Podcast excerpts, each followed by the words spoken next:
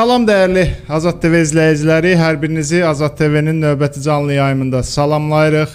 Dəyərli izləyicilər, hər zaman olduğu kimi yenə ə, e, ölkə gündəmində, ümumiyyətlə cəmiyyətdə müzakirə olunan əsas mövzuları e, müzakirə eləməyə, sizlərlə bərabər bu mövzular ətrafında danışmağa davam eləyirik. E, bu gün yenə ənənəmizə sadiq qalaraq ə, vacib saydığımız mövzuların gündəmə gətirəcəyik. Bunlar ətrafında danışacağıq. Ə, əgər siz də yayımlarda iştirak etmək istəsəniz, yayıma qoşulmaq istəsəniz, ə, ekranda gördüyünüz əlaqə vasitələri ilə bizim ə, yayımımıza qoşula bilərsiniz. Suallarınızı, mövzu ilə bağlı fikirlərinizi ə, ünvanlaya bilərsiniz və daha çox insanın bu mövzu ilə bağlı fikirləri olsun və daha çox insan bu mə məsələ müzakirəni izləməsi üçün yayımımızı da bəyənib paylaşmağı unutmayın. Bu bizim üçün ən böyük dəstəkdir. Təbii ki, qonağımız var. Mən deyərdim ki, son zamanlarda ə, e, belə deyək, bu cür canlı yayımlarda daha çox ə, e, sosial məsələlər ətrafında mən deyərdim artıq mütəxəssis olaraq çağırılan və bu ə, e, məsələ ətrafında geniş ə, bilgiyə sahib olan və geniş ə, analizə sahib olan bir şəxsdir və qonağımız ə, Müsavat Partiyasının ə, üzvü Gülağa bəy Aslanlıdır qeyd etdiyim kimi o ə, son zamanlarda mən deyərdim sosial məsələlər ətrafında bir mütəxəssisdir və bir çox kanallar artıq onun bu ə, ə, belə deyək məsələlər ətrafında danışıqlarına danışmaq üçün ə, öz efirlərinə dəvət eləyirlər. Biz də istərdik ki, bu gün Azərbaycandakı sosial problemlər ə, və mən deyərdim cəmiyyət ə, cəmiyyət içində son dövrlərdə ən çox müzakirə olunan sosial məsələləri müzakirə eləyək, bunlar ətrafında danışaq. Axşamınız xeyir Gülağa bəy, xoş gəldiniz yayımımıza. Hər vaxtınız xeyir. Ə, Gülağa bəy, mən istəyərdim mövzumuza ə, tək Azərbaycanda yox, hal-hazırda ümumi dünyada qlobal bir problemə çevrilən koronavirus ətrafında və daha doğrusu bu virusa qarşı vaksinləşmə ilə bağlı başlayaq. Ə, Azərbaycanda ümumiyyətlə bu məsələ ilə bağlı vəzi son durum nə yerdədir? Ümumiyyətlə vaksinləşmə prosesi necə gedir? Vaksinlərin keyfiyyəti ilə bağlı ə, e, sizin fikriniz necədir? Azərbaycanda istifadə olunan bildiyiniz kimi dünyanın müxtəlif ölkələrində bir neçə formada, bir neçə adda vaksinlər istifadə olunur. Azərbaycanda da ə, e, istifadə olunan vaksinlər var ki, bunların bir neçəsi ə, e, Ümumdünya Səhiyyə Təşkilatı tərəfindən çox da müsbət e, belə deyək qəbul olunmayan e, mən deyərdim vaksinlərdir. Ümumiyyətlə bu məsələ ətrafında ilk öncə başlayaq. Siz bu prosesin gedişatını Azərbaycanda necə görürsünüz? Hal-hazırda vaksinləşmə prosesi və dediyim kimi vaksinlərin keyfiyyəti nə yerdədir Azərbaycanda? E, tamam. E, Ya gəl yada salaq ki, bu gün e, sentyabrın 26-sıdır və e, təqribən e, 3 saatdan sonra sentyabrın 27-si başlayacaq Bakı vaxtı ilə və e, ötən il e, məhz bu gecə səhərə yaxın e, Azərbaycan e, xalqının yaratmış olduğu e, Müzəffər Azərbaycan ordusu erməni işğalçılarının növbəti e, təxribatına cavab olaraq vətən müharibəsinə qalxdılar və e, bu müharibədə e, təqribən 3000-ə yaxın şəhidimiz var və e, minlərlə e, qazimiz var.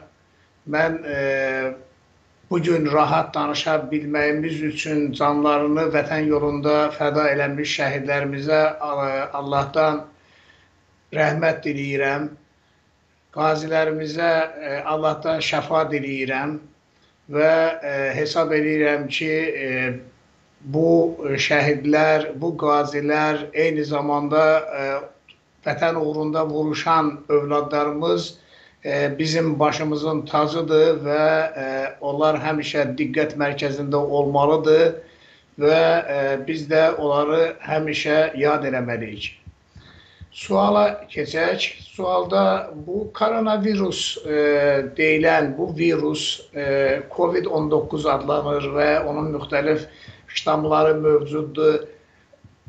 bu faktdır və bu mövcuddur. Ona qarşı hələ ki məncə dünyada e, demək vaksinləşmədən daha yaxşı olan hər hansı bir e, hal yoxdur. E, bu vaksinləşmənin də e, necə getməsi e, hər bir ölkədə e, olan vaksindən e, və ölkənin əhalisinin e, bu səhiyyəyə inamından daha çox asılıdır. Və e, Azərbaycanda da e, bir neçə vaksin varsa da, bunlardan ən çoxu e, e, Çin istehsalı olan Sinovac və e, Almaniya e, istehsalı olan e, Pfizer e, vaksinləridir. E, Sinovac vaksininin e, deyək ki, e, son zamanlar alınan məlumata görə onların effektivliyi e, təqribən 60-65 faizə çıxırsa, e, Pfizerin e, demək ki, onun müdafiə qabiliyyəti təqribən 90% olduğu haqqında məlumatlar var və e, biz Müsavat Partiyası olaraq ümumiyyətlə həm üzvlərimizə, həm də Azərbaycan xalqına bu koronavirusdan qorunmaq üçün vaksinləşməyin e, e, demək vacib olduğunu dəfələrlə bildirmişik. Müsavat Partiyasının rəhbərliyində olan insanların e, demək olar ki, hamısı e, vaksin e, vurdurub və e, yenə də ikinci vaksini də davam etdirmək e, davam etdirmək e, etdirəcəklər e, etdirəcəklər belə deyək. E, artıq ölkə əhalisinin e, demək təqribən e, e, təqribən belə deyək də e, 80 faizinə qədəri artıq birinci vaksin vurulub. E, amma ikinci vaksin vurulanların sayı hələ ki azdır və onlar da davam edirlər. Amma e, Azərbaycanda ümumi bəla olan bir bəla var ki, o bəla da hər bir adamın tutduğu vəzifəsindən və yaxud da ki, əlində olunan imkandan istifadə eləyərək e, rüşvət alması və bu rüşvət yolu ilə da e, deyək ki, e, insanları aldada bilməsidir ki, e, burada da e, artıq ortaya çıxan bir sıra faktlar var ki, bir sıra e, hələ e, bu virusun daha çox yayıldığı dövr dövrlərdə e, o xüsusi xəstəxanalarda qoyulmuş baş həkimlərin e, rüşvətlə məşğul olması, oradakı işçilərin rüşvətə qurşanması faktları aşkara çıxıb və Azərbaycanın ən böyük iki e, deyək ki, müalicə müəssisəsinin rəhbəri e, həbs olunub, onlar haqqında cinayət işi qaldırılıb. Eyni zamanda e, belə deyək ki, çox böyük bir e, səviyyədə E, müxtəlif tibb bacıları, müxtəlif həkimlər yenə də ölkədə e, saxta artıq COVID pasportu verilməsi məsələsi ilə də məşğul olublar ki, bu da insanlarda bir inamsızlıq yaradır. Yəni əgər hər hansı bir xəstəyə, hər hansı bir həkim vaksin vurmadan ona Covid pasportu verilməsinin mümkün olduğunu deyirsə, bu insan bunu almaqla eyni zamanda onu təbliğ eləmiş olur. Bütün ətrafındakı adamlara bildirir ki, siz görürsünüzmü, orada e, demək vaksin vurmağı vurmalı olan adamlar e, onun vurulmasını o qədər də vacib hesab eləmirlər və ə, e, əvəzində ə, e, pul yolu ilə, rüşvət yolu ilə də ə, e, vaksin pasportu verirlər. Bu da məncə Azərbaycanda vaksinləşmə işinə e, mənfi təsir göstərir və e, bunun e, qarşısını almaq ancaq xalqın seçdiyi hakimiyyət ola bilər. Əgər hakimiyyətin bütün pillələrində bütün məmurlar və işə təyin olunan adamlar yalnız rüşvət almağı düşünürlərsə, həyatlarını ancaq rüşvətlə qurma haqqında düşünürlərsə, onda bu sistemdə də e, təbii ki, rüşvət və korrupsiya e, yer alır və bu da ümumiyyətlə Azərbaycan üçün Azərbaycana xas olan bir xüsusiyyətdir və biz artıq hələ e, bu cür e, sistemdən çıxa bilmirik. Və ümumiyyətlə bu korona ilə bağlı ə, yaradılan təbib ə, sisteminin belə deyək, apardığı fəaliyyəti ə, necə dəyərləndirirsiniz? Bu günə qədər istər koronanın ilk günlərində bu ə, deyək ki, ə, virusla mübarizə olsun, ondan sonrakı bu vaksinasiya prosesinin təşkili olsun. Ümumiyyətlə bu təbib adlanan qurum hal-hazırdakı fəaliyyəti sizə qənaət bəxşdirmi? Ümumiyyətlə fəaliyyətinə necə qiymət verirsiniz? Ümumiyyətlə ə, bu qurumun fəaliyyəti haqqında Azərbaycanda ə, belə də müsbət fikir söyləyə bilən adamlar az olar. Yəni e, istər e, bu virusa yoluxmuş şəxslər, istər bu e, e, deyək ki, öz əziz adamlarını, yaxın adamlarını xəstəxanaya yerləşdirmək istəyən şəxslər və bu təbibin fəaliyyətindən daima e, narazılıqlarını bildirirlər. Yəni sosial şəbəkədə elə e, hallara rast gəlmək olur ki, e, məsələn bu yaxınlarda biri yazmışdı ki, 8, 8 gün bundan əvvəl e, biz təbibə e, zəng elədik və e, analiz verilməsini, bizdən analiz götürməsini istədik. E, təqribən 3 gün zəng olunandan sonra onlar gəlib çıxdılar, analizi götürdülər, getdilər. 8-ci gün bizim xəstə artıq dünyasını dəyişdi və həmin günü axşam da biz təbibdən analizin nəticəsi bizə gəlib çatdı. Yəni bu işləri Azərbaycanda oper operativ aparan, Azərbaycanda e, deyək ki, e, bu dünyada mövcud olan e, texnologiyalardan sanki Azərbaycan xəbərsizdir. Yəni bir saata, iki saata, bir günə e, analizin cavabını almaq Azərbaycanda e, problemdir. Amma e, özəl laboratoriyalar var ki, həmən özəl laboratoriyalara e, getməklə e, məsələn e, İnci adlı bir laboratoriya vardı ki, mən ora ötən ilin yayında özündən şübhələnib getdim və e, analiz verdim. E, həmən günü də e, təqribən 5 saatdan sonra da cavab aldım. Sonra məlum olur ki, bu İnci laboratoriyası məhz təbibin, təbibə sədrlik edən insanın nəzarətində olan, onun bilavasitə əli altında olan bir laboratoriyadır. Demək, özəl laboratoriyalarda, özəl klinikalarda analizləri tez bir şəkildə verə bilmək imkanı var, amma təbibdə o imkan yoxdur. Eyni zamanda dediyim o hallar da məhz e, xəstələrin xəstəxanaya yerləşdirilməsi, sonra e, deyək ki, saxta COVID pasportların verilməsi də bilavasitə e, təbibin nəzarətində e, olan işçilərdir.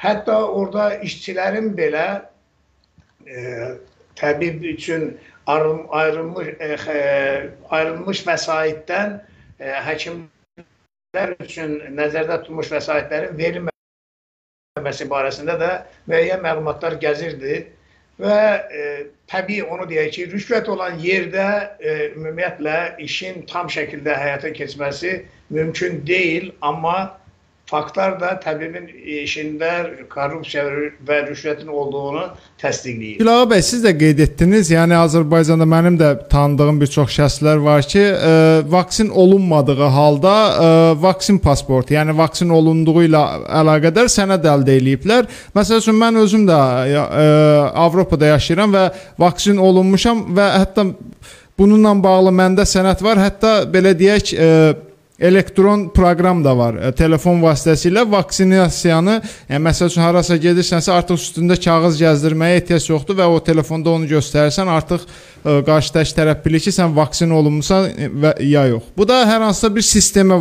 göndərilir. Yəni bu sistemə yerləşdirir ki, məsəl üçün e, Nurlan Əliyev e, vaksin olunub filan tarixdə. Və Azərbaycanda yəni o saxta pasport verilən adamlar çox güman ki, ya sistemə vurulmur onların vaksinasiyası olunması. Bu halda niyə onların vaksinasiyasına belə deyək, təbii ki, bu könüllü olsa da ə, vaksinasiyanın, yəni hardasa o sənədi göstərəndə bunun saxta olub olmamağı avtomatik üzə çıxmalıdır.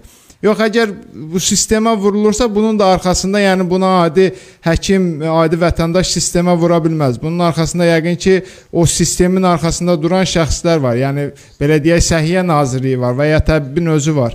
Yəni bu proses necə gedir? Yəni o saxta pasportun verilməsində e, maraqlı olanlar kimdir və ə, kimlər bu pasportu vətəndaşlara təmin eləyir? Saxta pasport almaq istəyən insanlar adətən vaksindən e, qorxan insanlardır. Onlar vaksinləşmədən qorxurlar və hesab edirlər ki, e, bu vaksini vurdursalar, e, onların bədəninə güya xüsusi bir cip yerləşdirilmiş olarlar. Mən onların bəzilərindən söhbət eləmişəm və ondan qorxduqları üçün yol axtarırlar və yol axtaranda da təbii ki, e, burada e, məhz e, o işlə məşğul olan təbibin işçiləri ilə əlaqəyə girirlər və onlar da e, məhz onları inandırırlar ki, e, heç narahat olmayın və e, sizə vaksinləşdirmədən, sizi vaksinləşdirmədən də sizə vaksin pasportu vermək olar və bu vaksinləşmə o qədər də vacib iş deyil deyib, onlardan e, pul vasitəsilə onlardan onlar üçün o sənə saxta sənədi düzəldirlər. Amma mexanizm məhz hansı şəkildə olur, onu deyə bilmərəm, amma burada təbibin başında duran adamdan tutmuş ta o kiçik tibb başçısı, e, tibb bacısına qədər hər birinin bu işdə günahı var. Hər biri bu işdən xəbərdardır. Bunun necə olduğunu bilirlər. E, eləmək lazım olduğunu bilirlər, amma e, həmən şəxslər isə ölkədən xaricə getmək istəyəndə onları daha çox e, hava limanında onları saxlayırlar, daha çox sax əvvəl saxlayırdılar və bu yolla aşkara çıxdı ki, Azərbaycanda deyək ki, e, səhv eləmirəmsə ilk dəfə Gəncədə bu məsələ ortaya çıxdı. Təqribən 100 sərnişindən 86 nəfərdə e, koronavirus saxta pasport olduğu aşkara çıxdı və beləliklə məsələ açıldı. Amma onun mexanizmi məhz necə olunur e, işini ancaq o işlə məşğul olan adamlar daha dəqiq bilirlər. Biz ancaq güman edirik. Gülağa bəy, bu pandemiya dövründə ən çox problemlər yaranan sahələrdən biri də təbii ki, Azərbaycanda bu sahə ümumiyyətlə e, bu Azərbaycandakı hakimiyyətin mövcudluğu e, dövründən ən belə deyə həssas, ən yaralı problemlərdən biridir təhsil sahəsi oldu və Bu ə, e, təhsil sahəsi bu pandemiyada mən deyərdim ki, ən çox, yəni zaten Azərbaycanda təhsil sistemi çox aşağı səviyyədədir və bu pandemiya bu aşağı səviyyədə olan təhsil sistemini ümumiyyətlə yerlərə endirdi. Bu təhsil sisteminin təşkili, təhsil prosesinin təşkilini siz özünüz necə görürsünüz Azərbaycanda? İstər pandemiya dövründə və pandemiyadan öncəki dövrdə də bu təhsil sistemi sizə hansı vəziyyətdədir indi? Azərbaycanın e, ən böyük problemindən biri də Azərbaycanda elm və təhsilə dövlət səviyyəsində e, belə deyək, qayğı olmamasıdır. E, təhsil Azərbaycanda ə, belə deyək, ə, repetitorların ümidinə qalıb. Azərbaycan ə, orta məktəblərində yüksək təhsildən ə, söhbət eləyə bilmirik. Çünki hər bir ailədə böyüyən e, təqribən e, 9-cu sinifə gedən e, 9-cu sinifdən başlayaraq ali təhsil almaq istəyən uşaqların repetitor yanına getdiyi e, faktdır. Bu təqribən e, 95-96 faiz belədir. Yalnız kənd yerlərində, uzaq kənd yerlərində, kasıb ailələrdə həqiqətən də istedadlı uşaqlar olur ki, həmən uşaqlar repetitordan istifadə edəmirlər. Yəni Azərbaycan təhsilinin üzünü ağ eləyən bu repetitorlardır. Bundan başqa Azərbaycan təhsilinin səviyyəsi e, onunla e, görünür ki, Azərbaycanın e, ən məşhur universitetləri belə dünya e, səviyyəsində olan, dünya belə deyək, təhsil e, universitetlərinin içərisində e, 5000-lik siyahıda belə e, ən yaxşı halda 1500-cü yerdə olurlar ki, E, o da e, nə dərəcədə doğru olduğunu mən e, təsdiqləyə bilmərəm. Arzu edirəm ki, elə olsun. Heç olmasa e, Azərbaycanda yüksək təhsilli verən e, universitetlər olsun.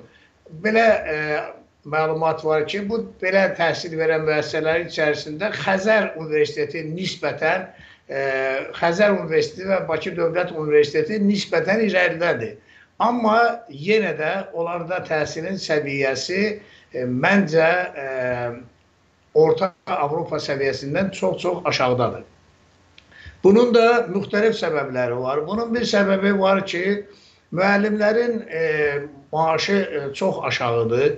E, müəllimlərin maaşı aşağı olduğu üçün onlar da e, belə deyək, məktəbdə yox, evdə təhsil verməklə məşğul olurlar deyə ona görə də təhsilin özü aşağıdır. İkincisi, e, deyək ki, dövlət universitetlərində və özəl universitetlərdə təhsilin e, universitetlərə qəbul balının çox aşağı olmasıdır. 150 bala düşürürlər universitetlərdə ballar e, daxil olmaq üçün və bu da e, belə deyək ki, keçmiş e, belə deyək ki, 5 ballıq sistemdən götürəndə 2-dən də aşağı qiymətdir və o həmin insanları universitetlərə qəbul edirlər və Ona görə də yüksək təhsil Azərbaycan universitetlərində mümkün deyil. Məhz ona görə də Azərbaycan elminin də vermiş olduğu deyək ki, xeyir, praktiki xeyir xeyli aşağı düşüb. Azərbaycan aliminin aldığı maaş isə ümumiyyətlə gülüncdür tədqiq elmi akademiyanın elmi tədqiqat institutlarında müəllim e, professorun əmək haqqı e, deyək ki 510 manatdır və bir də elmlər doktoru olduğuna görə ona 200 manat da əlavə verilir. 710 manat əmək haqqı ilə e, professor e, belə deyək ki, e, elmi nəticələri əldə eləməsi qəhrəmanlıqdır. Mən Azərbaycanda elmlə məşğul olan insanları qəhrəman adlandırıram. Çünki bir daha deyim ki, o əmək haqqı ilə e, və o qədər zəhmət çəkib elmlər doktoru adı almış, professoru adı almış insanlara bu qədər aşağı e, əmək haqqı verilməsi onların təhqir olması hesab edirəm. E, əgər nə qədər ki, Azərbaycanda professorun maaşı, əmək haqqısı nə qədər ki, deputatın əmək haqqı səviyyəsinə qalxmayıb, Azərbaycanda elmin səviyyəsinin də yüksəyə qalxmasını gözləmək sadəcə arzu olaraq qalacaq. E, məktəblərdə e, deyək ki, təzə sistem güya təzə tədris sistemi nəzərdə tutulur və e, o sistemdə kurikulum deyilən bir təhsil sistemi var ki, orada əsas məsələ sinifdə 18 nəfərin olmasıdır. Amma Bakı məktəblərində belə sinifdə 18 nəfər 18 nəfər şagird olan sinifi tapmaq xeyli çətin məsələdir. Yəni mənim e, nəvələrim də bu məktəblərdə oxuyurlar və həmin məktəblərdə e, ən azı 30 nəfər olduğu məlum olur və e, o kurikulum deyilən metodla həmin siniflərdə dərs demək də e, xeyli çətindir. Deyək ki, ibtidai siniflərdə e, bu işi müəllimələrin, müəllimlərin fədakarlığı hesabına müəyyən qədər e, deyək ki, yerinə yetirmək olur, amma sonraki siniflərdə daha çox e, elmi e, biliklər almaq üçün bu e, kifayət eləmir və Azərbaycan təhsilində bu dəyişikliklər hökmən olmalıdır ki, Azərbaycan nəhayət Avropa səviyyəsində Azərbaycanda da təhsil almaq mümkün olsun. Gülağa bəy, ə, e, siz qeyd etdiniz repetitorlar barəsində. Məsəl üçün ə, e, Avropada, elə mənim yaşadığım Almaniyada ə, e, müəyyən təşkilatlar var ki, bu ə, belə deyək, fəaliyyəti heç bir ə, məbləğ almadan dövlət dəstəyi ilə eləyirlər və onlar məsəl üçün ə, təhsili götürmə qabiliyyəti aşağı olan uşaqlar varsa və ya ə, e, belə deyək müəyyən problemləri olan varsa o təşkilatlara gedir və orada ə, e, heç bir məbləğ ödəmədən və ya çox cüzi məbləğlər ödəyərək bu ə, e, repetitorluq dəstəyi alırlar. Amma Azərbaycanda bununla bağlı bir çox şikayətlər olur ki, məsəl üçün müəllimlər o vacib sahələr üzrə riyaziyyat kimi, belə deyək, kimya kimi və s. vacib fizika kimi vacib sahələr üzrə ə, bilərəkdən orta məktəblərdə tədrisi aşağı səviyyədə verirlər ki, uşaqlar daha sonra bunların yanına, bu müəllimlərin yanına repetitorluq dəstəyi almaq üçün müraciət eləsinlər. Ümumiyyətlə ölkədə bu ə, e, fəaliyyətin ə, e, gedişatını necə dəyərləndirirsiniz? Belə bu formada əgər mən dediyim şikayətlər doğrudursa, bu fəaliyyətin qadağan olunması ə, e, və Avropada kimi müəyyən təşkilatlar vasitəsilə bu fəaliyyətin yerinə yetirilməsi sizcə doğru olmazmı? Mənim tanıdığım repetitorlar var ki, onlardan mənim ən yaxın dostlarım da var. Mənim tanıdığım repetitorlar həm məktəbdə yüksək təhsil verməyə çalışan müəllimlərdir, həm də e, qruplarda və yaxud da ki, evlərdə mən e, elə belə deyək ki, e, zəif repetitor tanımıram ki, o ya e, əqidəsiz repetitor da belə deyək, tanımıram ki, onlar yalnız pulun naminə məktəbdə dərs keçməsinlər. Əksinə, mənim tanıdıqlarım bir daha təkrar edirəm, həm məktəblərdə tədrisi yüksək keçirməyə çalışırlar, həm də qruplarda məşğul olurlar. Repetitorların məncə ləğv olunmasına yox. Azərbaycanda ən böyük problem olan ali təhsillərdə pullu e, pullu təhsilin olmasıdır, ödənişli təhsilin olmasıdır.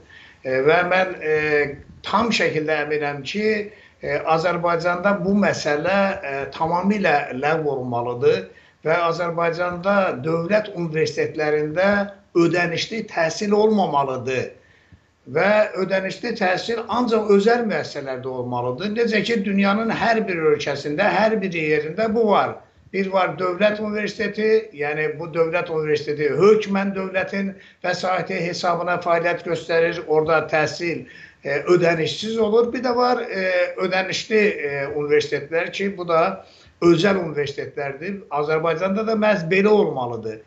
Azərbaycanda hələ e, universitetlərdə ödənişli təhsil olarkən e, repetitorlara hər hansı e, dövlət səviyyəsindən ödəniş olunacağını düşünmək məncə belə deyək ki, indiki halda xam xəyaldır. Çünki Azərbaycan hökuməti, Azərbaycan dövləti hələ ki təhsilin, elmin xalqın üçün hansı nə qədər böyük rol oynadığını bilmirlər, qəbul eləmirlər. Azərbaycanda e, məsələn belə deyək də, e, Sokar e, şirkəti var, dövlətin şirkətidir. Sokarda e, prezidentdən başqa 9 nəfər, 9 vitse-prezident var. Hər vitse-prezidentin müavini var və müşaviri var.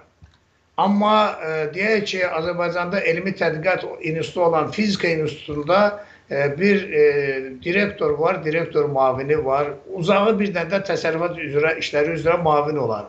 Yəni e, elmə ayrılan e, vəsait e, deyək ki, vəsaiti e, SOKAR-ın rəhbərliyinə e, ayrılan vəsait qədər e, belə deyək ki, bütöv bir institutda vəsait ayrılır ki, e, bu da e, təbii ki, elmin inkişafına e, səbəb ola bilməz. E, Mən e, qabaqlarda bir nəticəyə baxdım, utandırıcı nəticədir ki, Azərbaycan elminin hal-hazırda dünya səviyyəsindəki vəziyyəti qonşularımızdan çox-çox geri qalır və bu da utandırıcıdır. Bu da Azərbaycan elminə, Azərbaycan dövlətinin e, deyək ki, münasibətinin nəticəsidir. Bu utanvericidir, bu məsələ e, həll olunmalıdır. Gülağa bəy, təhsilin səviyyəsi bir yana bu məsələ ilə bağlı illərdir danışırıq, təhsil hansı səviyyədədir. Ancaq ə, e, digər bir problem təhsildə isə ə, e, uşaqların ümumiyyətlə bu məktəblərə ə, e, məktəbə getməsi ilə bağlıdır. Yəni uşaq pulu verilmir insanlara, ə, hər hansısa bir dövlət dəstəyi yoxdur az təminatlı ailələr üçün bu uşaqlara ə, məktəbə gedərkən ə, xüsusi hər mək məktəblərdə xüsusi formalar var ki və hətta e, belə məsələ var ki, bu formalar bəlli yerlərdən alınmalıdır. Çünki o bəlli yerlərdə bəlli şəxslərə e, baxır, bəlli şəxslərə aiddir. Və e, bu for bu halda da e, bəzi ailələr var ki, uşaqların məktəbə getməsində, göndərilməsində çətinlik çəkirlər. Ümumiyyətlə bu məsələnin çarəsi nədir? Bu məsələ necə həll olunmalıdır? Məktəblərdə, məsəl üçün Avropada heç bir məktəbdə xüsusi e, belə deyək, məktəb forması yoxdur. Hər kəs e, uşağın, yəni uşaq forması var və o formada da məktəbə gedirlər. Bəs Azərbaycanda bu xüsusi tə, ə, e, belə deyək, məktəb formalarının olması, yəni bilmirəm indi dəyişib bu forma sistem ya yox, amma xüsusi məktəb formalarının olması, tədris vasitələrinin şəxs ə, e, ailələr tərəfindən alınması, az çox az sadə tədris vasitəsi bildiyim qədər məktəblərdən verilir. Amma digər tədris vasitələri ailələr tərəfindən özləri alınmalıdır. Belə olan halda, yəni çox az təminatda insanların da yaşayış səviyyəsini siz məndən daha yaxşı bilirsiniz. E, yəni bu belə olan halda bu məsələ necə həll edilməlidir? E, ümumiyyətlə Azərbaycanın ən böyük bəlalarından biri monopoliyanın olmasıdır. Məhz e, o e, məktəbli formalarının e, vacibliyi məsələsinin də e, monopolistlər tərəfindən qaldırılıb, dövlət tərəfindən də qəbul olunub. Və e, dövlət bununla e, bir sıra e, deyək ki, e, paltar tikən, e, məktəbli forması tikən e, firmalara, e, o firmalar təbii ki, hamısı e, dövlətin müəyyən qruplarına aid olan e, fabriklərdir onlara şərait yaratmaq üçündür və e, məncə bu il o məsələ biraz səngiyib. Pandemiya ilə əlaqədar deyəsən hələ ki məktəblərdə e, belə deyək ki, bütün məktəblərdə %100 həmən şərt qoyulmayıb. E, amma e, dərs vəsaitləri deyilən bir var e, dərsliklər, bir də var dərs vəsaiti. Azərbaycan məktəblərində şagirdlərə ancaq dərsliklər verilir. Dərs, dərs vəsaitləri isə dərsliklərdən 3 dəfə çoxdur. Məsələn, e, deyək ki, 6-cı sinifdə, 5-ci sinifdə o riyaziyyat, bir var riyaziyyat dərsliyi, bir də var riyaziyyat üçün, e, riyaziyyat fənnini öyrənmək üçün var e, məşğələlər, nə bilim, e, deyək ki, e, çalışmalar, ayrıca sonra dövlət e, imtahan e, mərkəzinin e, çıxarmış olduğu testlər, və həmən vəsaitlər də hamısı eyni firma tərəfindən nəşr olunur və onların da qiyməti ən ucuz halda bu illəri 7 manatdır. Əgər məsələn 6-cı sinifdə oxuyan bir uşaq e, indidən hazırlaşmaq istəyərsə, təqribən 5 fəndən hazırlaşmalıdır və hər fənn üçündə əlavə olaraq 3 dərs vəsaiti almalıdır və hər 3 dərs vəsaitinə minimum 21 manat pul ödə ödənməlidir. Deməli, üst-üstə olanda 16-cı e, sinif şagirdi 15 e, dərs vəsaiti almalıdır. Həmən 15 dərs vəsaitinə təqribən 100 manatdan artıq pul verməlidir. Ona görə də e, orta əmək haqqı 2 e, minimum əmək haqqı 250 manat və pensiyası 250 manat olan e, Azərbaycanda e, uşaq pulu almayan ailələr e, uşaqları üçün o vəsaitləri almaq imkanına deyil, imkanında deyillər. Ona görə də e, məktəblilərin əksəriyyəti o kitabları ala bilmir və e, ona görə də e, yüksək e, təhsil səviyyəsinə də çata bilmir. E, hakimiyyət e, yəni eləyə bilər ki, ümumiyyətlə e, məktəblərdə e, dərsliklər kimi dərs vəsaitlərini də, dəftəri də, e, qələmi də, karandaşı da e, hamısını e, məktəblər ver, məktəblərin verilməsi e, çox vacibdir. E, çünki bu halda ən azı bir də ki e, o geyim forması haqqında mən e, tam e, bir fikir söyləmək istəmirəm. E, bəzən adamın gözünə çox gözəl görünür ki, məktəbli məktəblər hamısı eyni formada olsun, amma e, insanların e, imkanları daxilinə buraxmaq lazımdır onu. İmkanlar e, ailənin imkanı daxilində olmalıdır. Məhz o e, deyək ki, məktəbli forması ala bilməyən ailənin uşağının məktəbə buraxılmaması halı olmamalıdır. Düzdür, mən bu illərə elə bir şey eşitməmişəm, amma ümumiyyətlə olmamalıdır və e, qalan o dərs vəsaitlərini, dərsliklər olduğu kimi dərs vəsaitlərinin də dövlət tərəfindən verilməsi çox vacibdir. Əgər dövlət gələcəyini e, elm, təhsil üzərində qurmaq istəyirsə, e, bunun qayğısına qalmalıdır və, və bunun həlli yolları da budur. Adətən belə bir təkliflər verəndə o saat e, bizə əks arqumentlə bunun üçün filan qədər pul lazımdır deyib dururlar. Amma ə, e, həmən adamlara ə, e, deyəndə ki, Azərbaycanda bunun üçün kifayət qədər vəsait var. Azərbaycanın təkcə ə, son illər neftdən aldığı 155 milyard vəsait Azərbaycana daxil olub. Onun 100 milyardı artıq xərclənib. o xərclərin içərisində müharibəyə, orduya ayrılan xərcləri qoyaq kənara ki, bunlar lazım idi. Amma o qədər lazımsız, o qədər lazımsız xərclər var ki, o qədər yeyinti olan xərclər var ki, həmən xərcləri e, deyək ki, e, başqa istiqamətə yönətmək olar və yaxud da ki, xaricə çıxarılan Azərbaycanın kifayət qədər vəsaitləri var.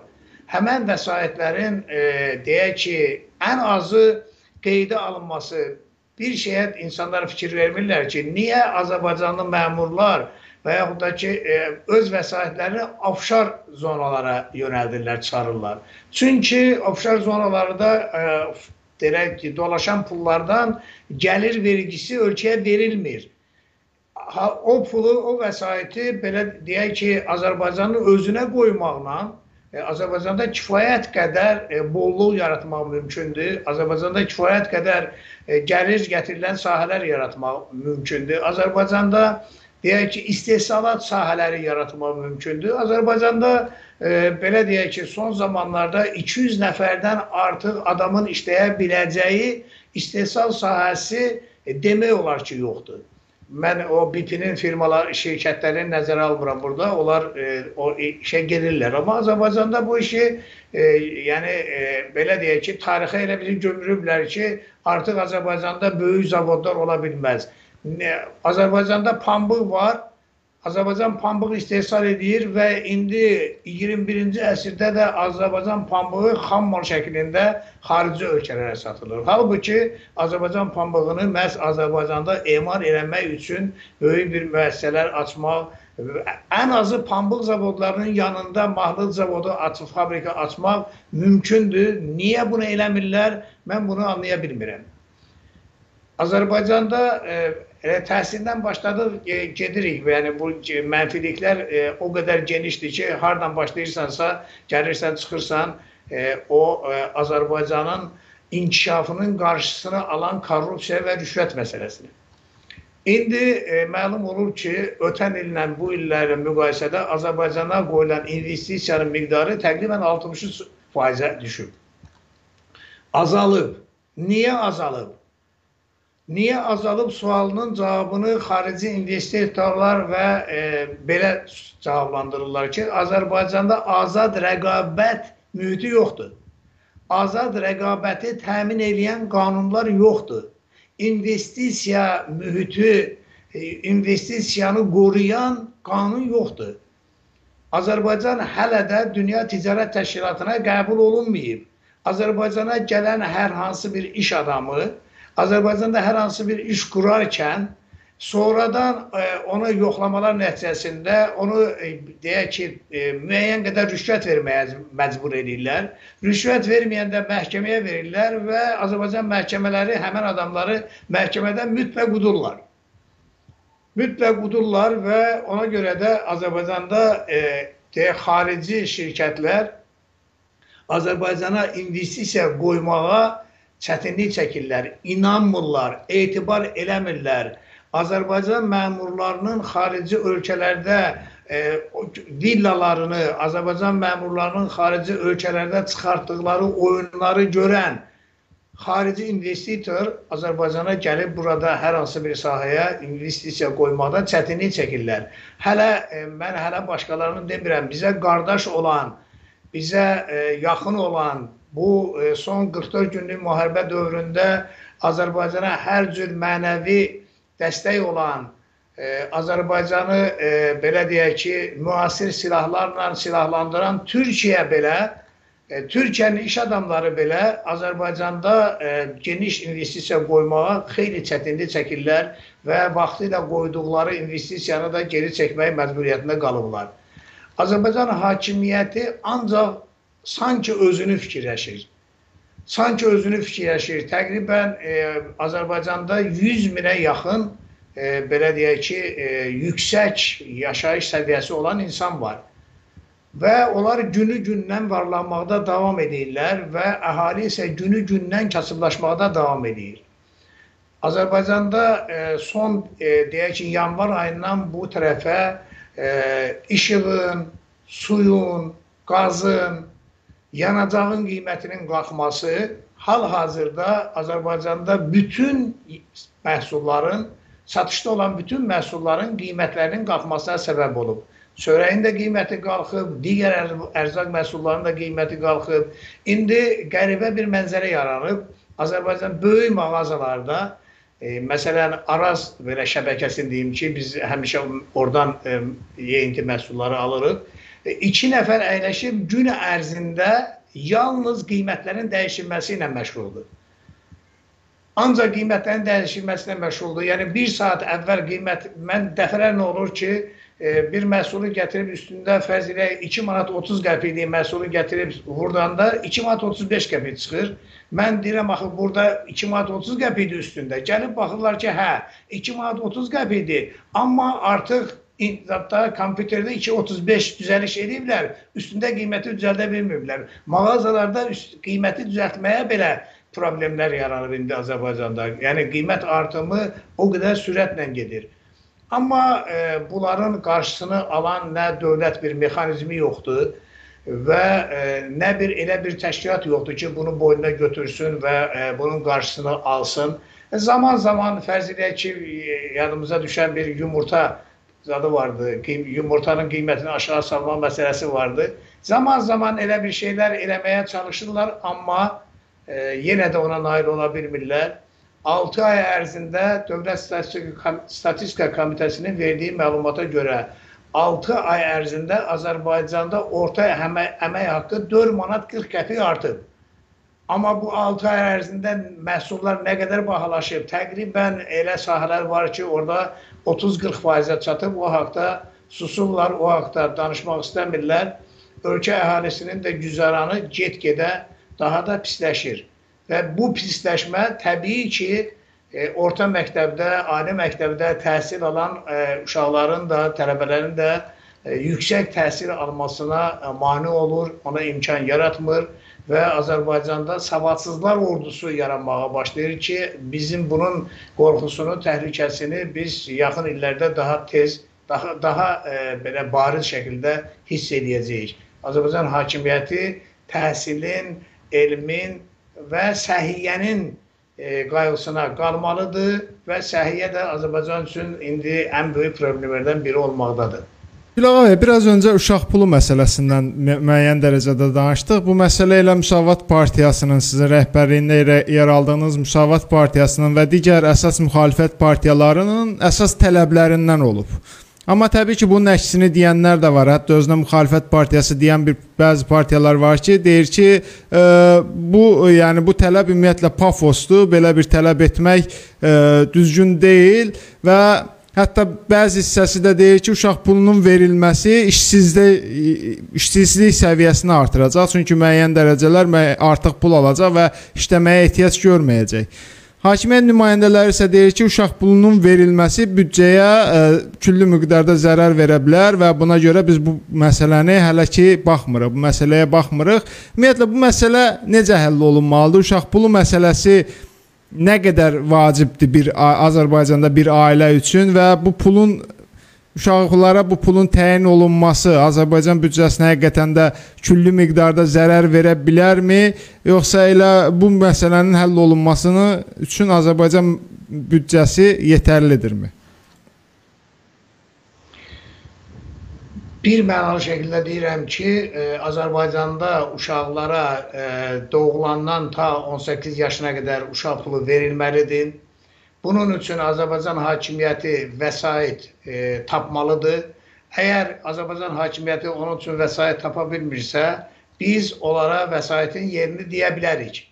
Azərbaycanda Azərbaycanda təkcə Bakı şəhərində e, deyək ki, e, 10 minlərlə e, xüsusi mülk, mülklər var və e, həmən mülklərdən indiyə qədər Azərbaycanda gəlir və əmlak vergisinin hansı səviyyədə olmasını yoxlamaq lazımdır.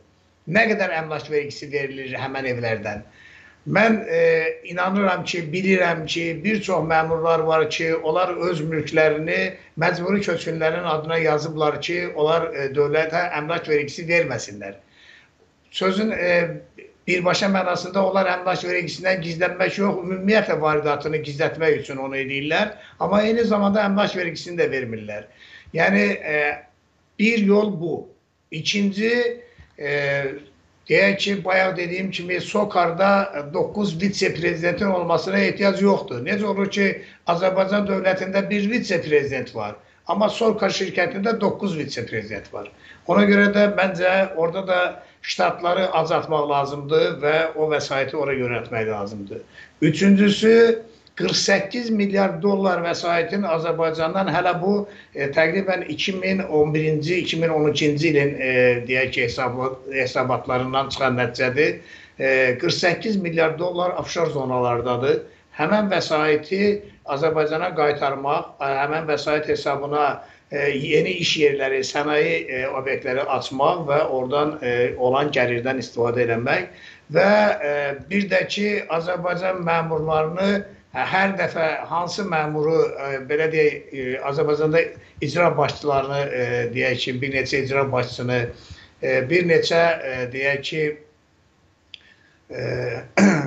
o qədər də belə deyək ki, güya oliqarx olmayan, o qədər də rüşvətə qurşanmayan Rabitə və İnformasiya Naziri vardı, onun kifayət qədər vəsaitləri vardı e, sonra e, Mədəniyyət Nazirindən həbs olunan adamların, Xarici İşlər Nazirində həbs olunan adamların e, nə qədər vəsaitləri ortaya çıxır. Hansı e, kimi həbs edirlərsə, kim hakimiyyətə mən bu həbs olunmanı da e, belə deyək ki, e, əvvəla o işlə demək olar ki, mə, e, məşğul olmayan, rüşvət, korrupsiyaya uğramayan Azərbaycanda məmur tapmaq çox çətin olar. E, hamısı bu işlə məşğuldur, amma hansı birisi ki, e, deyək, yuxarıya verməli olduğu vəsaiti çatdırmırsa, onda onların həbsinə qərar verilir və onlardan da kifayət küllü miqdarda vəsait ortaya çıxır. Elə ildə onlardan 3-4 nəfəri e, belə deyək, yoxlamaqla e, o e, deyək ki, lazım olan vəsaiti e, Azərbaycanda uşaq pulu vermək üçün lazım olan vəsaiti onlardan tapmaq olar, almaq olar. Azərbaycandan uğurlanıb, Azərbaycandan kənara aparılan vəsaitləri artıq e, dünya məhkəmələrində də e, belə bir çox Avropa ölkələri məhkəmələrində də ortaya çıxır hər dəfə və məlum olur ki, Azərbaycanlı iş adamının həyat yoldaşı bir gündə e, 250 min funt sterling e, mağazadan alver eləyir. Yəni bu vəsait hardan oğurlanır? Bu vəsait hardandır? Həmən vəsaitləri Azərbaycana qaytarmaq üçün mexanizmlər işlənməlidir və eyni zamanda Azərbaycanın daxilində indi korrupsiya və rüşvətxorluğa son qoymaqla da e, bu hakimiyyət ona son qoya bilməz. Ən azı azaltmağa çalışmalıdır. Sözlə yox.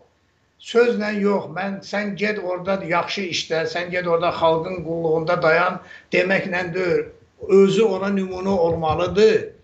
Və nümunə olmalıdır ki, e, deyək ki, e, ölkənin başçısının e, 13 yaşlı övladının adına vaxtı ilə Dubayda e, deyək ki, mülklər olması haqqında məlumat çıxanda e, bəzi məmurlar da siz dövlətin pulunu sayırsınız, siz adamların pulunu sayırsınız deyə bizim üstümüzə gəlirlər. Halbuki ona izah vardı, izah eləməlidirlər. Necə olur ki, Azərbaycanda 13 yaşlı uşaq 45 milyon dollarlıq mülklərə sahib olur?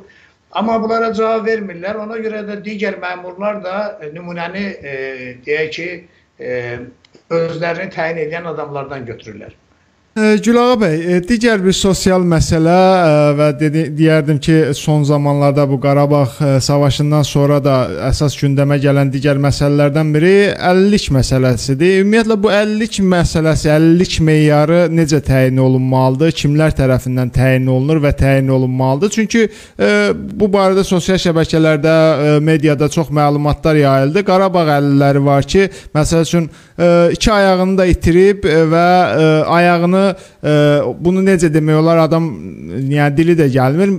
Təyin olunan belə deyək, o kimlərsə onu təyin olunub, o təyin olunan yerdən müəyyən dərəcədə aşağıdan kəsilib və ona görə bu şəxsə deyək ki, təyin olunmalı ə, 50-lik dərəcəsi yox, ondan biraz daha aşağı ə, 50-lik dərəcəsi verilir. Ümumiyyətlə bu 50-lik dərəcəsi fərqi yoxdur. Qarabağ əlillərinə, ümumiyyətlə hər hansısa bir əlillə kimlər tərəfindən təyin olunmalıdır və bu meyar, bu əlillik meyarı necə müəyyən edilir? Bəli, mən o sahənin mütəxəssisi olmadığım üçün həmən meyarların necə olduğunu tam şəkildə deyə bilmərəm. Amma onu bilirəm ki, Azərbaycanda bu illərə qədər təyin olunan deyək ki, 50 dərəcələri xəstəliklərə əsaslanmaqla olmalı idi. Yəni bu qanunun tələbi belə idi. Amma Azərbaycanda məhz həkimlər, bu işə baxan həkimlər, bu sahənin bu sahəyə cavabdeh olan insanların da rüşvət alması yolu ilə Azərbaycanda kifayət qədər insana da saxta əlillik vəsiqələri də verilib. Amma bu elə belə verilməyib. O insanın özünün belə deyək ki, istəyi tam onun istəyi olub təbii ki, yəni saxta yolla e, alsın ara e, deyək ki, e, əlillik dərəcəsi alsın. Eyni zamanda buna şərait yaradan insanlar da olub. İndi əlillik dərəcələrini ləğv eləyirlər, amma o əlillik dərəcəni təyin edən həkimlər həmən həkimlər yenə də işləyir. Yenə də həmən həkimlər işləyir. Biz hesab edirik ki, burada kifayət qədər e, deyək ki, nöqsanlar olub. Amma indi birdən-birə həmən insanları qurunun oşuna, e, oduna həm də yaşı da yandırmaqla və e, bir çox e, əlil insanların, xəstə insanların e, pensiyasını kəsmək, onları e, minimum 250 manat olan vəsaitdən də məhrum eləmək düzgün deyil. Sadəcə yeni e, əgər e, mexanizmlər tətbiq eləmək istəyirlərsə, həmən mexanizmləri açsınlar və onu e, insanlar da görsünlər. E, deyək ki, e, və e, məsələ qoysunlar ki, artıq e, bu yolla, saxta yolla e, əlillik dərəcəsi, əlillik vəsiqəsi alan insanlar e, özləri də və onları bu e, vəsiqəni verən həkimlər də e, deyək ki, cinayət məsuliyyətinə cəlb olunacaqlar. İnsanlar müəyyən qədər e, deyək ki, bu məsələdən çəkinə bilərlər. Amma indi e, anlaşılan deyil. Həmən əlillik dərəcəsini verən həkimlər həmən əlillik dərəcəsini indi geri alırlar və insanları deyək ki, e, orada onların içərisində həqiqi əlillərin olduğunu da yüzdə yüz inanıram. Sizin o dediyiniz fikirlə də tam şəkildə şərikəm. E, bir ayağı olmayan adama fərz elə ki, e, əlillik dərəcəsini indi aşağı salırlar ki, onun ayağın bitəcək yerinə. Və yaxud da ki, Azərbaycanda o texnologiya varmı ki, e, həmən əlillərin ayağına e, elə bir e, süni ayaq düzəltsinlər ki, o fiziki işlə məşğul ola bilsin. Hələ bizim e, deyək ki, vətən müharibəsində olan şəhidlər e, qazilərimizin əksəriyyəti hələ e, o prosesi gözləyir ki, onlar üçün deyək ki, e, süni e, ayaqlar, əllər düzəldilsin ki, e, onların e, belə deyək ki, həyata e, həyatda belə mövcud olmaq e, imkanları yaransın. Yəni bunlar olmadığı halda və e, əhaliyə də bu haqda, yəni e, tam məlumat e, verilmədiyi halda e, əlillərin e, deyək ki, onların e, 50 dərəcəsinin ləğv olunması onların minimum ehtiyaclardan da məhrum edilməsi düzgün hal deyil və biz hesab edirik ki, e, bu məsələ durdurulmalıdır və e, bundan yeni qanunlar əgər qəbul olunursa, yeni qanunun geriyə yolu yoxdur. O e, bundan sonrakı hallara tətbiq olunmalıdır və artıq həkimlər də bunu bilməlidirlər. Amma dərəcə almaq üçün ilk sənəd hazırlanır e, deyə sahə həkimi tərəfindən hazırlanır. Sahə həkimi tərəfindən hazırlanandan sonra mən e, özüm də e, ikinci qrup əliləm və mən sahə həkimi sənədi hazırlayıb məni xəstəxanaya göndərdi. Xəstəxanadan gələndən sonra ikinci il xəstəxanadan çıxandan sonra sənədləri o vaxt deyək ki, bu işlə məşğul olan VTEK-lər var idi. Ora göndərdi və e, orada təyin elədilər e, o sənədlərə əsasən. E, indi onun nə dərəcədə doğru olduğunu e, ancaq orada həkimlər bilir və e, deyək ki, e, indiki halda onun necə olduğunu isə e, mən bu saat deyə bilmirəm, çünki o iş məsələ ilə tam şəkildə e, məlumatlı deyiləm o məsələ. Və siz də qeyd etdiniz, yəni təxminən son dövrlərdə 20 mindən artıq vətəndaşın ə, pensiyaları ləğv olunub əlillikləri ilə bərabər və bu pensiyaların ləğv olunmasında səbəb olaraq elə buna toxundunuz siz, onların ə, sistemdə yanlışlıq olduğu və ümumiyyətlə hər hansısa bir qeyri-qanuni yolla bu pensiyaların təyin olunduğunu deyərək bu pensiyalar ləğv edilib. Amma bu pensiyaları o zaman da təyin edən qurum eyni idi. İndi də ə, bunu ləğv edən qurum da yenə eyni qurumdur. Yəni sahil Babayevdir səhv eləmirəmsə. Sahil Babayevin başçılıq etdiyi o qurum ə, qurumda bu sistem necə ə, yəni təyin olunmuşdu ki, onlara yanlışlıqla və ya hər hansısa bir qeyri-qanuni yolla ə, pensiya kəsilmişdi və eyni yenə Sahil Babayevin başçılıq elədiyi bu qurum o yanlışlığı düzəltdi. Yəni bu sistem necə işlədi ki, bu 20 min vətəndaşın e, yanlış olaraq pensiya alması müəyyən olundu və e, onların belə deyə pensiyaları ləğv edildi. Təbii ki, bunların içində haqlı olanlar da var. Yəni siz dediyiniz kimi qeyri-qanuni olanlar da var, amma e, həqiqi pensiya alanlar da vardı ki, onlar da e, sizin bir sözünüz var, qurunun o, oduna yaşda yanmış oldu burada. Yəni burada e, bəy, burada məsələ e, Azərbaycanda o qədər belə e, yerində olmayan e, qanunlar var ki, məsələn, e, pensiya yaşının 65 yaşa qaldırılması məsələsi. Və e, son zamanlardakı tədqiqatlar göstərir ki, təkcə e, 18-ci ildə e, 65 yaşına çatmayan e, insanlar e, demək dünyasını tərk etmiş insanların al, e, təqribən 35 faizi e, 65 yaşına çatmayan adamlar olub.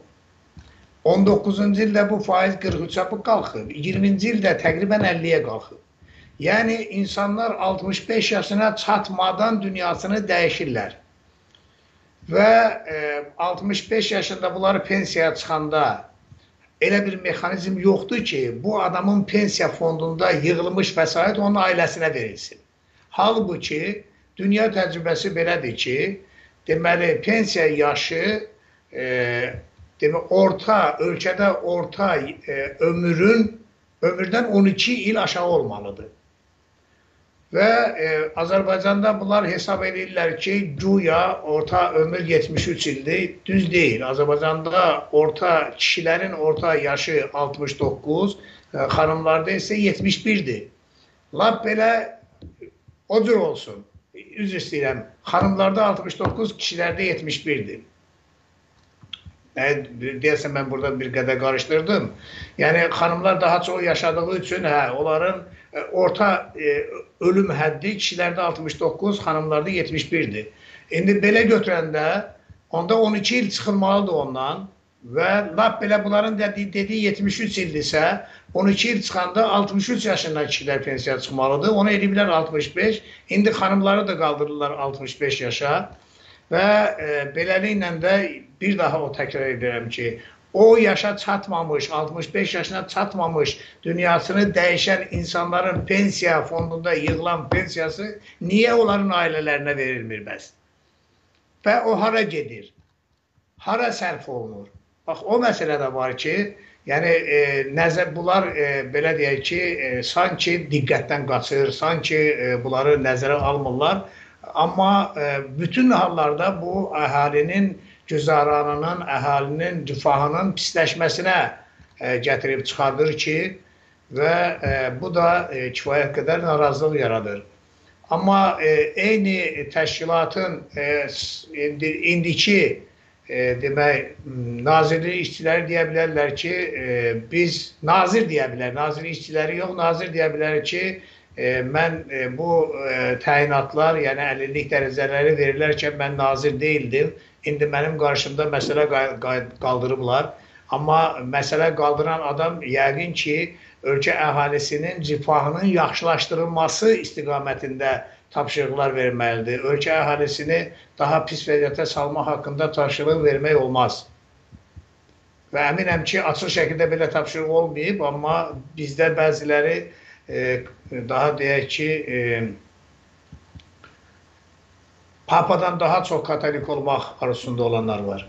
Aydındır bəy. E, son olaraq bir məsələyə də fikrinizi bilmək istərdim. Bu bununla bağlı bizə çox e, belə deyək yazılar, e, məlumatlar göndərilir ki, bunu da işıqlandırın, bu məsələ ətrafında da danışın. E, bildiyiniz kimi 1997-ci ildə dövriyyəyə buraxılan özəlləşdirmə payları var idi və bu paylar 2011-ci ildə səhv eləmirəmsə dövriyyədən qaldırıldı.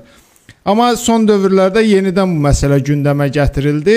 E, bu dövriyyədə qaldırdı, qaldırıldıqdan sonra hətta 20% e, çeklər hələ də insanların əllərindədir və bu 20% çekdən istifadə olunmayıb, təxminən 20% və hətta bu çeklər paylanılarkən də insanlara doğru düzgün məlumat verilmədiyi, istifadə qaydaları bildirilmədiyi üçün onlar bu çeklərdən necə istifadə edəcəyini tam olaraq bilmədilər və bundan da müəyyən qrup istifadə etdiyi o çekləri insanların əlindən dəyər dəyməzinə aldı və öz maraqları çərçivəsində istifadə etdilər.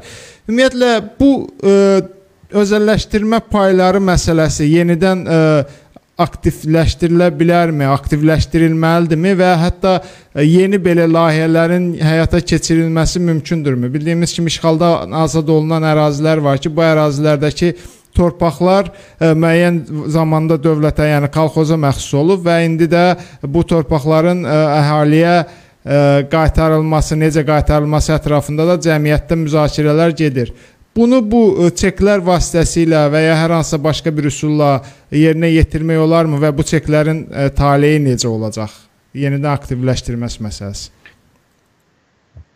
E, oradan başlayaq ki, ümumiyyətlə Müsavat Partiyasının bu e, məz, e, deyək ki, işğaldan azad olmuş torpaqlara e, qayıdılması haqqında, əhalinin ora qayıtması haqqında e, təklifləri olub və bu təklifləri səsləndirmişik və hakimiyyətə də çatdırmışıq ki, e, orada o demək e, dədə baba yurdundan məcburi şəkildə didərgin düşmüş şəxslər öz torpaqlarına e, qaytarılmazdan əvvəl onların mülkiyyət sənədləri əsasında e, o sənəd e, belə deyək ki, hökmən onun deyək e, əlində e, onun üçün e, deyək ki, dövlət tərəf qeydiyyata alınmış bir sənədin olması yox, həmən dövrdə həmən bələdiyyələrin, bələdiyyə də yox idi orada əsasən, həmən kəndlərin, həmən e, qəsəbələrin sənədləri var ki, o sənəd əsasında məsələn təyin olunub ki, e, fərz eləyək ki, e,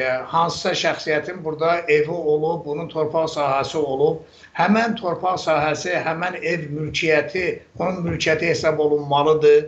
Üstəgəl, e, onun və sonradan törəmələrin, yəni qaçqınlıq dövründə, e, məcburi köçkünlük dövründə dünyaya gəlmiş uşaqların belə mülkiyyət hüququ nəzərə alınmaqla dövlət torpaq fondundan onlara torpaq payı verilməsi olmalıdır. Bu mütləq olmalıdır.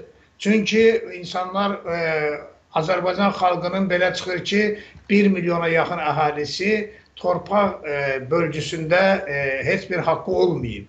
Onların haqqı tanınmalıdır, onlara e, torpaq sahəsi ayrılmalıdır E, bunu e, hansı yolla eləyəcəklərsə e, eləsinlər, amma bir yolda məhz o çeklər vasitəsilə olmalıdır.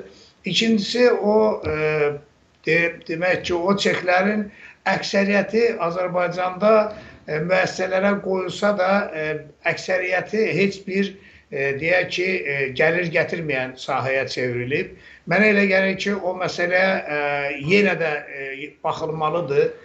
Məsələn, Biz həmən vaxtı Respublika Biyan Birliyində işləyirdik və bütün çeklərimizi həmən Biyan Birliyinin e, səhmlərinə qoymuşuq.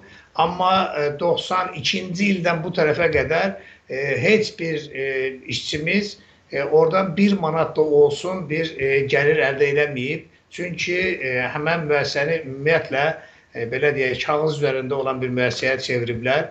Elə müəssisələrin sayı Azərbaycanda çoxdur və əgər E, bir müəssisəyə qoyulan çek fərz eləyək ki, 10 il ərzində, 20 il ərzində əgər heç bir gəlir gətirmirsə, onda həmən çeklərin götürüb təzədən başqa sahələrə qoyulması mexanizmi də işlənilə bilər və e, ümumiyyətlə bu məsələdə e, belə deyək ki, haqsızlıqlar çox olub və bu məsələyə e, yenidən baxmağı təklif edən mütəxəssislər var. E, onların rəylərini də dinləyib e, deyək ki, o çeklərin təzədən dövrəyə buraxılması, əldə olan çeklərin istifadəyə buraxılması məsələləri də ola bilər. Yəni böyük dövlətin böyük müəssisələri hələ də özəlləşdirilməyib.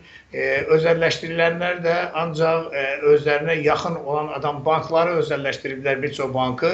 Orada da özlərinə yaxın olan, ailəyə yaxın olan adamları ora cəlb ediblər və sadə insanlar ora e, daxil ola bilmiblər. Çünki qapalı şəkildə keçirilib.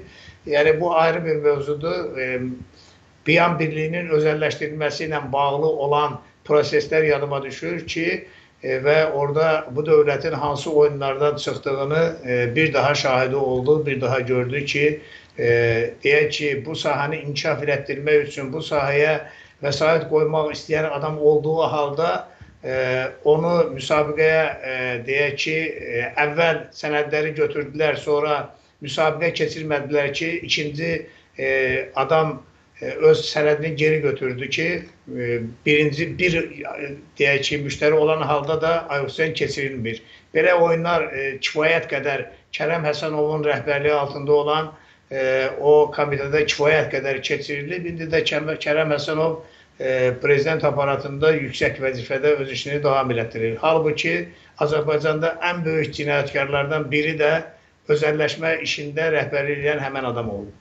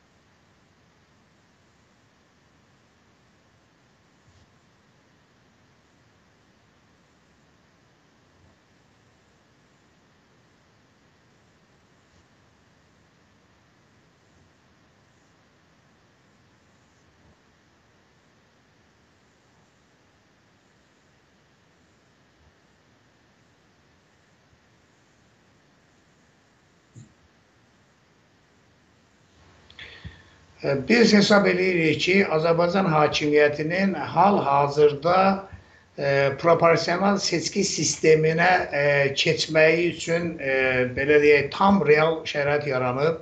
E, Azərbaycan hakimiyyətinin həmişə e, nümunə göstərdiyi Rusiyada, e, bizim e, deyək ki, e, düşmənimiz olan Ermənistanda, e, qonşu dövlət olan Gürcüstanda, Ukraynada demək olar ki, e, bu ölkələrin hər birində e, proporsional seçki sistemi tətbiq olunub. Azərbaycanda isə bu seçki sistemi e, bizcə təkcə 2000-ci ildə həyata keçirilib və Müsavat Partiyasının orada e, qələbə çaldıqdan sonra e, 2 ildən sonra referendum keçirib o e, proporsional seçki sistemini ləğv elədilər. Hazırda ölkədə e, şimdi vəziyyət və şərait elədir ki, e, proporsional seçki sistemi keçirmək e, üçün real şərait yaranıb. Hakimiyyət qulaqlarında da belə bir söhbətin e, yayılması yayılmasına rəvac verilir və e, biz hesab edirik ki, Müsavat Partiyası olaraq biz hakimiyyətdən və Azərbaycandakı siyasi qüvvələrdən də bu məsələdə daha aktiv fəaliyyət göstərməsini e, tələb eləyə bilək, eləyək və nəhayət ölkədə referendum keçirilsin, proporsional seçki sistemi tətbiq olunsun e, və ölkədə e, siyasi mübarizə mühiti e, yaransın ki, e, ölkə daha de, e, demokratik yolla ölkədə azad, e, demokratik e, bir cəmiyyət e, yaran, yaransın və e, Azərbaycanda hakimiyyət dəyişikliyini yalnız seçki e, yolu ilə olduğunu qəbul edən Müsavat Partiyası e, bu məsələdə maraqlıdır və e, ona görə də bu günləri verilən tapşırıq da məhz onunla bağlıdır ki, Azərbaycan hakimiyyətindən gözlənilməz addımlar olur. Necə ki, deyək ki, gözlənilmədən belə deyək, növbədənkənar prezident seçkiləri keçirdilər, növbədənkənar parlament seçkiləri keçirdilər. Halbuki ona heç bir e, belə deyək ki, e, e, vaciblik deyildi. Yəni o heç nə e, belə ölkədəki vəziyyət onu e, tələb eləmirdi, amma keçirdilər. Yəni bunlar istənilən vaxtı, hakimiyyət istənilən vaxtı gözlənilməz qərar verə bilər. Ona görə də e, siyasi partiyalar kimi bütün siyasi partiyalarda olduğu kimi Müsavat Partiyası da daima seçkilərə hazır olmalıdır və bu tapşırıq da ondan irəli gəlir ki, e, ola bilər ki, ölkədə referendum keçirilməsi haqqında qəfil qərar verilsin və biz seytinat vəziyyətində qalmayaq elə olan halda. Ona görə tapşırıq onunla bağlıdır. Təşəkkür edirəm Gülağa bəy. Son 1 saatda müəyyən məsələlərə qısa da olsa toxunmağa çalışdıq. Təbii ki, bu cür məsələlərin müzakirəsi yenə bizdə efirimizdə davam eləyəcək və bu müzakirələrdə sizin də dəyərli fikirlərinizə yer verəcəyik. Bu gün isə bizə ayırdığınız zaman üçün sizə təşəkkür edirəm. Mən də sizə təşəkkür edirəm. Çox sağ olun. Nə vaxt istərsiniz, nə vaxt imkan olarsa yenə Təşəkkürlər bəy, gecəniz xeyrə. Xeyrə qarşı. Dəyərli izləyicilər, qonağımız Müsavat Partiyasının ə, e, üzvü rəhbəri, rəhbər heyətində yer alan ə, e, Gülağa bəy Aslanlı idi. Onunla ə, e, sosial məsələləri müzakirə elədik. Daha çox bildiyiniz kimi bizim kanallarda son dövrlərdə daha çox siyasi məsələlər, Qarabağla bağlı məsələlər daha çox müzakirə olunurdu. Bu gün də sosial məsələlərin müzakirə olunmasına yer ayırdıq və düşünürəm ki, yararlı müzakirələr oldu. Müəyyən məsələlərə toxuna bildik və e, bundan sonra da təbii ki, bu cür yayımlarımız davam eləyəcək və çalışacağıq cəmiyyəti maraqlandıran, cəmiyyət üçün önəmli olan məsələlərə efirimizdə səsləndirək, müzakirə eləyək. E, bu məsələ bu cür e, müzakirələrdə sizin də dəstəyiniz önəmlidir. Yayımlarımızı, videolarımızı bəyənib paylaşmağı unutmayın ki, daha çox insan bu müzakirələrə qoşula bilsin. Siz də Yayımlarımız ərəfəsində bildiyiniz kimi 4 platformada hal-hazırda yayımlarımız davam eləyir, yayımlarımız gedir. Bu platformaların hər hansısa birində bizə suallarınızı ünvanlaya bilərsiniz. Ekranda gördüyünüz e, WhatsApp nömrəsinə suallarınızı ünvanlaya bilərsiniz. E, qarşınıza çıxan hər hansısa bir e, belə deyək maraqlı və e, hadisə varsa onu bizə göndərə bilərsiniz, paylaşa bilərik, yayımlaya bilərik e, qarşınıza çıxan haqsızlıqlar varsa bununla bağlı bizə məlumat verə bilərsiniz. Bunların e, işıqlandırılmasına e, çalışarıq və bunları işıqlandırmaq e, işıqlandırarıq. Bu cür məsələlərdə bizə dəstək olmağınız vacibdir və e, bu məsələlərdə bizə dəstəyiniz bu kanalın daha da böyüməsi, daha da önəmli məsələlərin müzakirəsində e, efirimizdə yer almasına şərait yaradacaq. E, bildiyiniz kimi biraz öncə qeyd etdim, bu gün e, Almaniyada seçki günüdür və hal-hazırda seçki davam eləyir və e, çox şəffaf seçki getdiyi barəsində məlumatlar daxil olur və hal-hazırda e, mən deyərdim ki, bəlkə də e, Almaniyada hakimiyyətin e, dəyişməsi prosesi də gedir. E, e, belə deyək, nəticələrə görə e, Almaniyanın e, artıq Merkel dönəmindən uzun ildir e, hakimiyyətdə olan ə, e, Xristian Demokratlar Partiyası ə, e, müəyyən dərəcədə ger geridədir, amma ə, nəticələr nəyi göstərəcək, bunu görəcəyik. Ə, və ümid edək ki, yaxın zamanlarda bizim də Azərbaycanda, bizim ölkəmizdə də bu cür demokratik seçki keçiriləcək və mən deyərdim ki, bu gün danışdığımız sosial problemlərin əsas həlli yolu elə bu demokratik seçkilərdən keçir. E, ümidimiz onadır, onun üçün çalışırıq və e, qeyd etdiyim kimi e, bu məsələdə e, sizin də dəstəyiniz önəmlidir ki, məsələləri müzakirə eləyək, insanların diqqətinə çatdıraq və bununla da ölkədə nələrisə dəyişməyə bəlkə də 1% də olsa bizim də payımız olsun. Bu gün bizi izlədiyiniz üçün hər birinizə təşəkkür eləyirəm. Növbəti yayımlarda, növbəti görüşlərdə, müzakirələrdə görüşmək ümidi ilə gecəniz xeyrə qalsın.